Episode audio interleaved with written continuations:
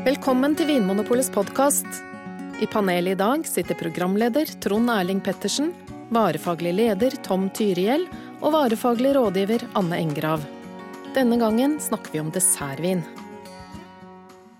Velkommen i studio, Anne og Tom. Anne, er du et dessertmenneske? Jeg elsker desserter. Det er helt sikkert. Hva med deg, Tom? Er du glad i det søte? Jeg har vel et tanke om meg selv at jeg ikke er det. Men så er det sånn som ting med sjokolade og tiramisu og Paula tenker jeg jo, delvis. Du kan bli overbevist, du òg. Ja, men det er bra, for i dag skal vi snakke bare om dessertvin. Eh, og la oss begynne helt nederst, folkens. Hva er en dessertvin, Anne? Det er ganske kort en søt vin. Ja. Innenfor det så er det ganske mye forskjellig. ja. Det finnes både rød og hvit og musserende, Tom, innen dessertvin. Det gjør det. Ja. Eh, hvor søt snakker vi når vi snakker dessertvin? Um, så EU har jo en sånn grense på 45 gram per liter. 45 gram 45 gram sukker per liter. Ja.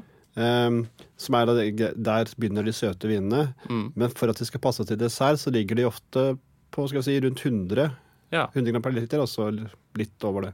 ja. Det er omtrent som en Coca-Cola.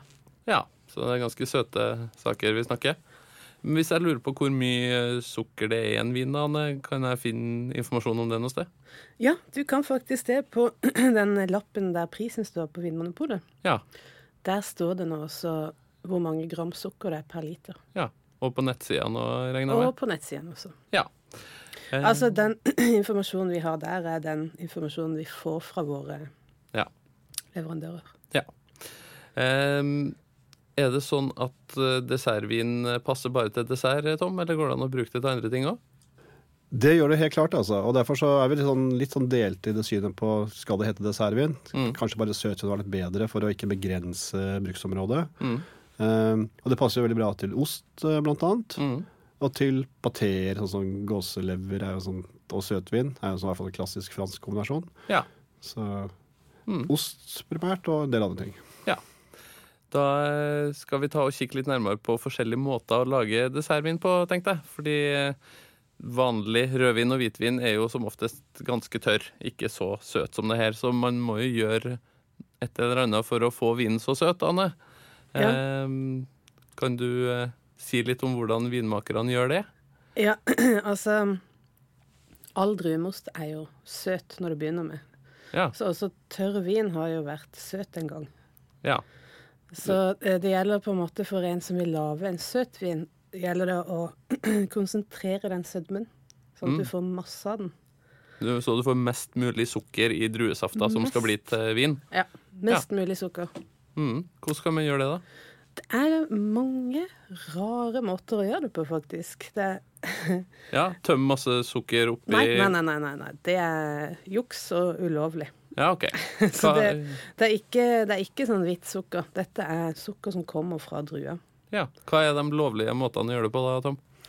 Jeg har holdt tre hovedmetoder. Mm. Og det går egentlig ut på å fjerne vannet, slik at du får mer sukker i forhold til vann i druene. Ja.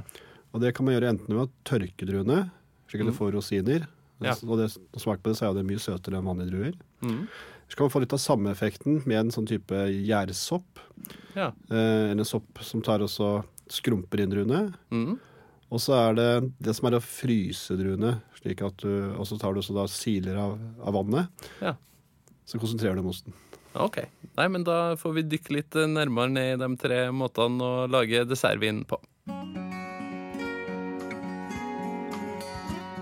OK, Anne. Frosne druer som skal bli til søt vin. Nå må du forklare. Eh, jo, det er jo sånn at når noe fryser, altså vann fryser, så blir det til is. Mm. Og da er det lett å plukke det vekk. Ja. Det er liksom prinsippet. Ja. Så hvis du har en frossen drue, og den er is, altså som en isbit Ja. omtrent, eller som en slush, ja.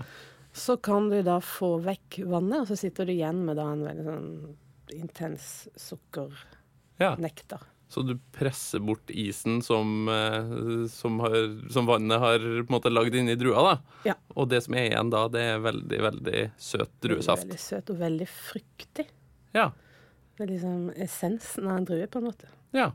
Eh, Hva kalles sånn vin som lages av frosne druer? Det kalles betegnende nok ice wine. Ja. Og det er jo kjent fra Tyskland fordi der er det kaldt. Mm. Det er jo blant de kjøligere Mm. eh, vinområdene. Mm. Er det andre steder i verden det lages? Ja, Canada har også en uh, tradisjon for ice wine. Ja. Og det er jo som regel så bruker man jo ja, naturen. Altså du venter så lenge at det er så kaldt ute at druene er frosne. Mm. Og det, jeg har snakka med vinmakere som sier at det er en sånn magisk opplevelse det å høste icewine, for du må ut tidlig om morgenen. Ja. Når liksom de er blitt frosne over natta, så Ja. går det ut kanskje sånn i fem-seks-tida med lykter eller lys eller lys fra bilen, og så, og så pluk plukker man av disse iskalde druene. Mm. Det er en liksom spesiell Ja. opplevelse. Ja, det, Men eh, så finnes det også eh, andre metoder som er mer sånn Kanskje litt mer sånn industrielle, kan du si. At du Mm.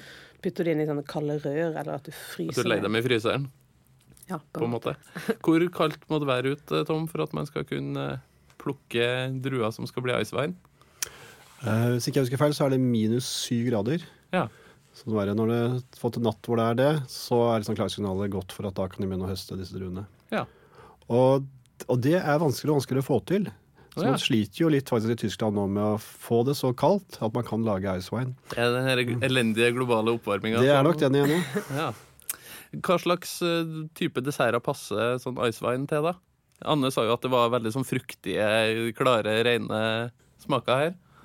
Ja, tenker det på, passer på en side enten til ting som har litt av det samme i seg, hvor det har disse rene fruktige tingene, som en sånn fruktsalat, Mm. og også til oster, hvor det er liksom passer med frukt til. Mm. Men du kan også bruke den som en kontrast til noe. Det anbefales uh, en del ganger til, eh, også til karamellpudding, som en sånn frisk kontrast. Ja. Der har jeg en annen favoritt, men det kan jeg ta senere. Ja. Mm. Eh, Så kan vi jo kikke på neste måte å gjøre det på, da, Tom. For eksempel tørka druer, som man lager vin av. Hvordan gjøres det? Um, enten så lar man druene henge lenge på vinplanten, Mm. så, så tørker den der. Eller så plukker man de og legger de til tørking på matter eller i sånne svære kar eller hyller. Ja. Og da er igjen poenget å få bort vannet i, i druene. Ja, da fordamper vannet. Mm. Det får da større konsentrasjon av både smak og ikke minst da av sukkeret. Ja. Eh, Anne, hva er forskjellen i smak på eh, dessertvin av frosne druer og dessertvin av tørka druer? Ja, det er litt som forskjellen på en drue og en rosin. Ja. For å si det litt Mm. enkelt, kanskje. Ja. Men det har jo mer av de tørka elementene, naturlig nok. Mm. tørka frukt, som ikke bare rosin, da, men du får jo sånn fiken, daddel eh, og sånne ting også. Nøtter og sånne ting òg. Ja. Og det spiller da igjen på hva slags type desserter de her vinene eh, passer til. Ja. Um, hva, hva ville du ha brukt en dessertvin av uh, tørka druer til? ja, du kan jo få både røde og hvite eh, Mm. varianter av, som bruker den. En ganske vanlig metode, fordi den er så på en måte enkel å gjennomføre. Ja. Kan du nevne noen konkrete viner eller konkrete områder som, der det her gjøres? Ja, for eksempel Vinsanto Ja. er jo en, eh, en vin som er lagd på tørka druer. Hvor kommer den fra? Den kommer fra Toskana Ja. i Italia. Mm. Den er litt spesiell der også, fordi det, det lagringa setter jo også sitt eh, preg på vinen, da. Ja. Eh, Mm. og så har du jo sånn som Recciotto, som også kommer fra Italia, men som er da fra Veneto, som er en rød eh, dessertvin. ja. Tom, vi, hva slags desserter passer dessertvin og tørka druer til?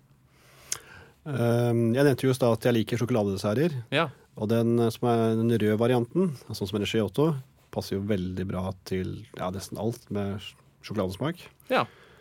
Um, og jeg nevnte også at jeg hadde en annen favoritt, en ice wine til eh, karamellpudding. ja.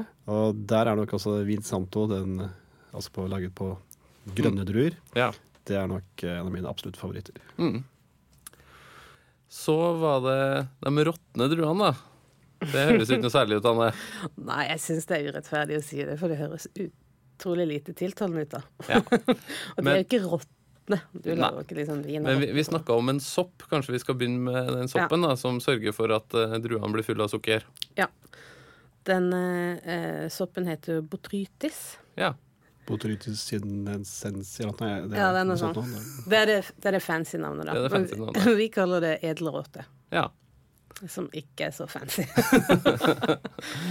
Men det er jo altså da en liten sopp som setter seg på under eh, altså visse forhold i vindmørka. Så kommer den og setter seg på skallet av drua.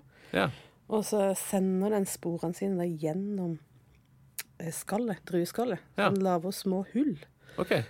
Men den slipper ikke luft inn. Men den slipper luft Altså den fordamper væske ut. Sl- slipper vann ut og ikke luft inn. Ja, på en måte. Ja, Det er litt, det er litt vanskelig. Men eh, Smart sopp, da. den er veldig lur.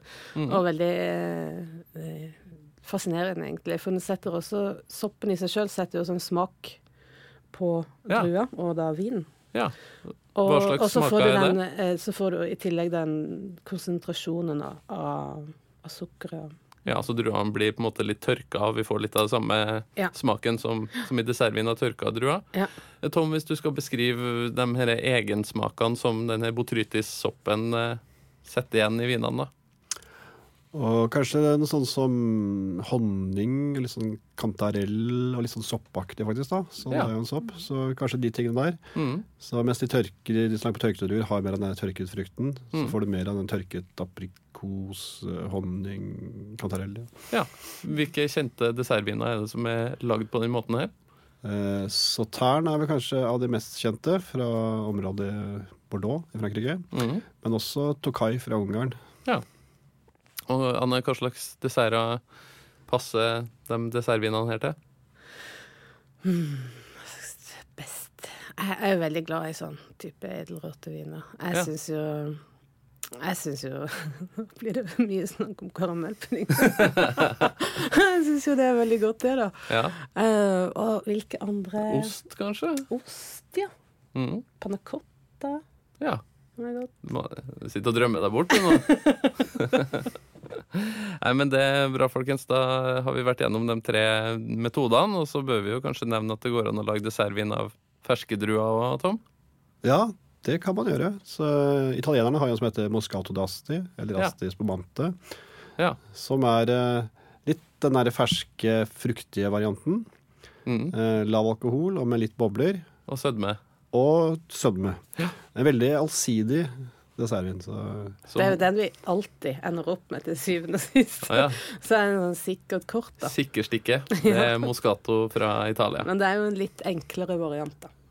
ja, det, og det er kanskje utfordringen med noen av de andre. Man sier jo at det, det kan være ganske vanskelig å matche desserter og drikke. Mm. Fordi det, dessertviner kan være så rike, komplekse og intense at de er en, er en dessert i seg selv. Mm. Så, men der er Moscato en bra bankers i ene retningen. Det er fint. Da har vi et uh, sikkerstikk på innerlomma. I tillegg til dessertvin av friske, tørkede, frosne eller edelråtne druer, fins det mange sterkviner som passer godt til dessert. Vi skiller mellom dessertvin og sterkvin fordi sterkvin er tilsatt brennevin. Dette gjøres for å øke alkoholinnholdet og fylden, men også for å stanse gjæringen. Når gjæren dør, slutter den å omdanne sukker til alkohol. Slik beholder den ferdige dessertvinen mye sødme, selv om druene ikke har vært ekstra søte i utgangspunktet. Noen eksempler på sterkviner som kan passe godt til dessert, er portvin, madeira og moscatel fra Portugal, søt sherry fra Spania, pinot de charente, bom de venise og rivesalt fra Frankrike, marsala fra Italia og comandaria fra Kypros. Nå skal vi ut og reise litt, eh, Anne og Tom. Ja. For det er noen rare ord og uttrykk som av og til dukker opp på etikettene til mm, sånne dessertviner. Blant annet har jeg sett på sånne ungarske tokai-viner i, i hylla på polet at der kan det stå asu. Det står sånn tokai asu. Hva betyr det? Jeg er sikker på det var helt riktig uttale. Aru. Eh, det betyr egentlig bare eh, at det er lagd på druer med denne edelroten. Det er den her botrytis-soppen. Ja. Og så står det et annet rart ungarsk ord, eh, Tom. Det står putonios. Ja, det står da et tall foran det. Sånn tre putonios. Tre putonios, fire, fem putonios. Opptil seks er vel det høyeste. Hva betyr det? Eh, Det er hvor mye av disse asudruene som er i denne vinen. Og det vil i praksis si at eh, dess høyere tall, dess søtere og mer intens er den vinen. Så Ja. har du en tre, så er den sånn middels søt og intens. Har du en seks, så er den kjempekompleks og søt og intens. Ja. Og så et språk jeg er litt mer komfortabel med, Anne. Tysk. ok. For på tyske viner, det trenger ikke å være dessertviner heller, men på eh, mange tyske hvitviner så står det sånn Spetlese, Auslese, Mm. Beerenauslese og Trockenbeerenauslese. Jeg syns det var veldig fint sagt. Takk. Jeg har øvd lenge på det. Men du må fortelle meg hva det betyr. Jo, det er jo i motsetning til den franske vinloven som lager loven etter hvor druene druene dyrker, hvor de kommer fra, mm. så er den eh, tyske vinloven basert på hvor søte de er. OK. Altså hvor søte druene er. Ja. Ikke tyskerne, det- men druene. Ja. og det kan nok handle om det at det var så vanskelig å få god modning eh, i gamle dager. Altså man, de beste vinene var de som hadde fått høyest modning, mest sukker og Ja. Så jo så mer modne druer, jo høyere opp i denne klassifiseringa kom de, da. Ja. Ja. Og det er for eksempel spetlese. Ja. Lese, det er et tysk ord for innhøsting. OK. Og spet, det betyr sein. Ja. Så det er litt seinere innhøstning. Mhm. Det finnes vel en del eh, engelskspråklige og franskspråklige viner og Tom, gjør det ikke det, som heter noe av det samme?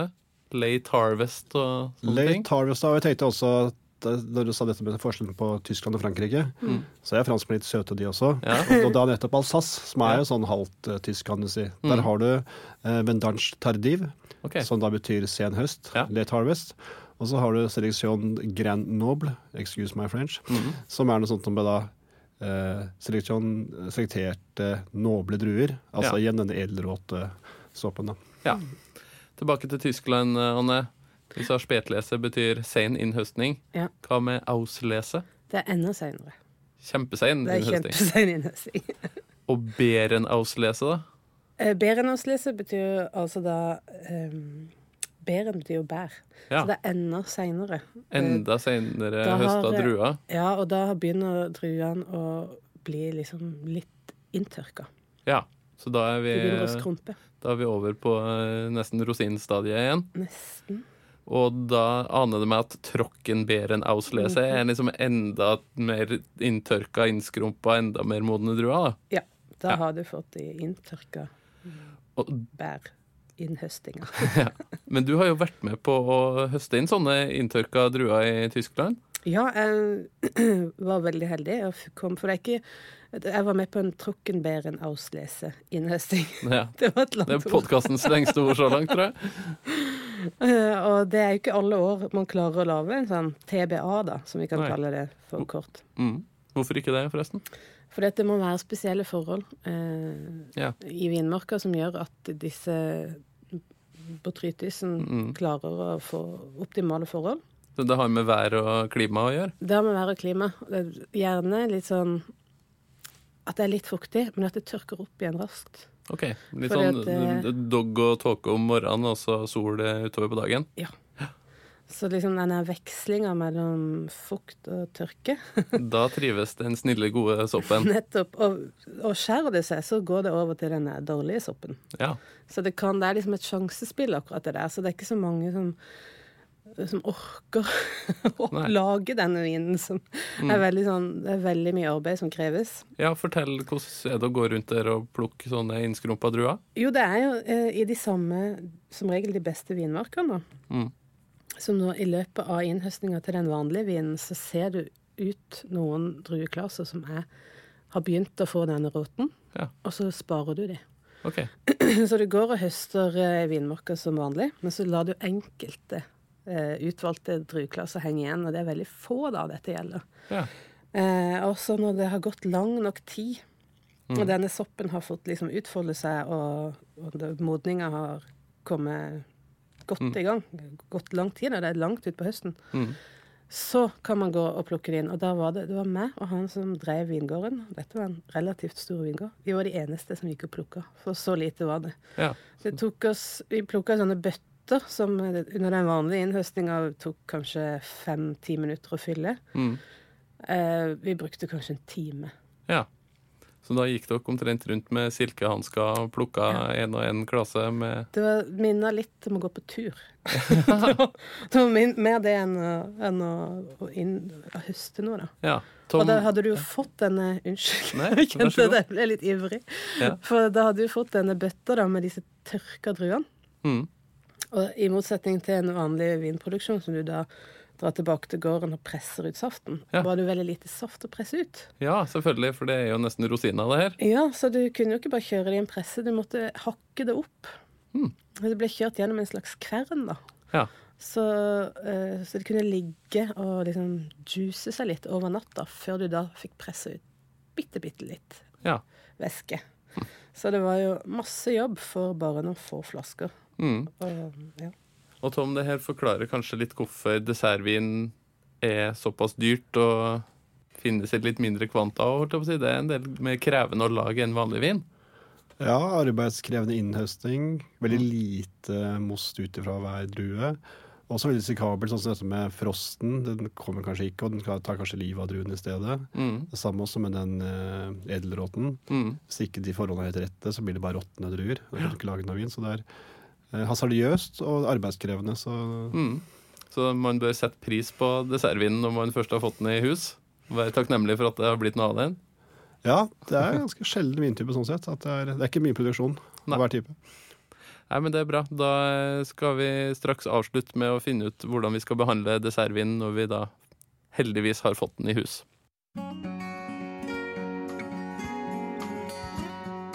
Tom og Anne, nå har jeg kjøpt meg en flaske dessertvin som jeg skal servere til vennene mine i, um, i kveld til desserten.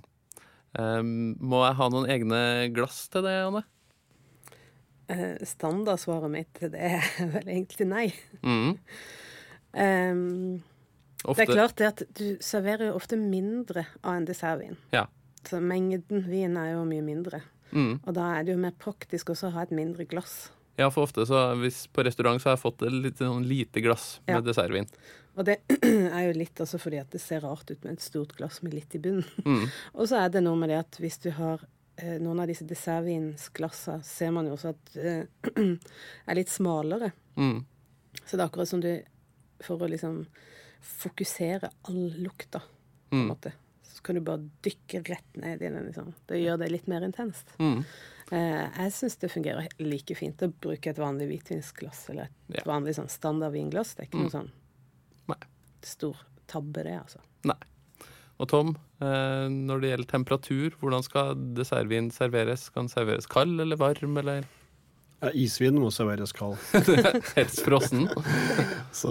Men ja, den må Eller det tenker jeg det, det bør den nok gjøre. Og det, Ja. Ikke fordi det er isvin, men fordi det er en av de fruktige variantene. Mm. Eh, så den kan du godt ta kjøleskapskald. Så Mm. varmer det seg litt opp i glasset, så får du den opp til rundt 8-10 grader. Ja. Som er eh, grei temperatur for den. Og Og det gjelder kanskje også for de her Moscato sprudlende, fruktige variantene? Tenkte akkurat på det. Moscato også hører hjemme der. Mm. Eh, når det kommer på den andre siden, sånn som uh, Sautern og Tokai og de mest komplekse, disse boterytis-vinene, så ville jeg heller hatt det mer sånn eh, 15-16 grader. Ja. Så for er den for kald, så får du ikke all kompleksiteten frem i vinen. Og Mm. nå er poenget med en dessertvin da, de, eh, er jo nettopp det. De, Mm. de, de er veldig smaksrike, og det man jo- bør man jo få smakt når man først Mm. har anledning til å drikke det. Men ikke for varm heller, kanskje, for da blir de ikke så friske. Og... Nei, igjen da, når temperaturen blir for høy, og det kommer opp i eh, god stuetemperatur på et par og 20 grader, så Mm. blir det, da blir det litt sånn sausete igjen. Så da mister man litt av den nyansene, kolositeten, transparensen, som vi sier, i vinen. Mm. Helt til slutt så skal dere begge to få lov til å gi et konkret tips til en eh, kombinasjon mellom en dessertvin og en dessert eller eh, en annen matrett. Eh, Tom, vi kan begynne med deg. Hva er ditt beste tips? Ja, jeg tenkte på det at jeg har nevnt to ting, så slo det meg at Men det er en annen ting også som overrasket meg veldig, og det er faktisk sitronpai jeg fikk en gang. Ja. Og jeg tenkte jeg er ikke så veldig fan av eller sånn, Det er ikke en av mine favoritter, men det var en veldig god sitronpai. Mm. Og til det så var det Reservert servert en uh, søtvin fra Jurançon som er liksom samme type som uh, Sautern, Ja. men litt, litt friskere, og ikke så mye fat som det ofte er på, kan være på Sautern. Ja. Og det var en supergod kombinasjon. Det er en fransk dessertvin. Fransk Jurançon, området i nærheten av Pyreneene, Mm. og sitronpai, ja, det var ja, virkelig veldig godt. Ja. Anne, klarer du å toppe det her? Jeg elsker sitronpai. Ja. Men eh, da må jeg finne på noe annet, da. Konsentrer deg nå, Anne. Ikke sitt og drøm deg bort. Men jeg har smakt Jeg har lyst til å si to ting. For jeg har Mm. smakt um, på denne samme stedet som jeg plukka disse TBA-vinene. Så fikk jeg servert deres TBA-vin sammen med bakt eple. Sånn bakt karamellisert eple. Mm. Det var veldig godt. Så jeg kan tenke meg alle former for eplekake, egentlig. Med Trockenbeeren-avsløse fra det var Tyskland. Veldig, veldig godt, altså. Og um, eh, også syns jeg jo ikke nødvendigvis bare søte ting, men oster. Ja. Jeg syns f.eks. roquefort, som er veldig sånn kraftig saltost, eh, gjør seg veldig godt med en søt eh, eh, dessertvin som f.eks. Sautern Tokai, Mm. som er liksom intens på smak og veldig søtt. Mm. Det er liksom to ytterpunkter som møtes til noe ganske fantastisk. Det er veldig mange som er glad i kombinasjonen av det salte og det søte sammen, så da kan jo blåmuggost og eh, Tokai eller Sautern være et godt tips der. Mm. Nei, men det var fint eh, å få avslutta med desserten til desserten. En, eh, et par gode tips på tampen der. Takk skal dere ha. Eh, Og så til deg som hører på, hvis du liker podkasten vår, så husk å gå inn i iTunes og eh, gi oss noen stjerner og skriv noen ord om hvorfor du liker podkasten vår så godt, for da blir vi veldig glad. Takk for at du hører på Vinmonopolets podkast. Har du forslag til et tema i podkasten? Send mail til podkast at vinmonopolet.no. I tillegg svarer kundesenteret deg på e-post, chat og telefon. Ring 04560 eller besøk vinmonopolet.no.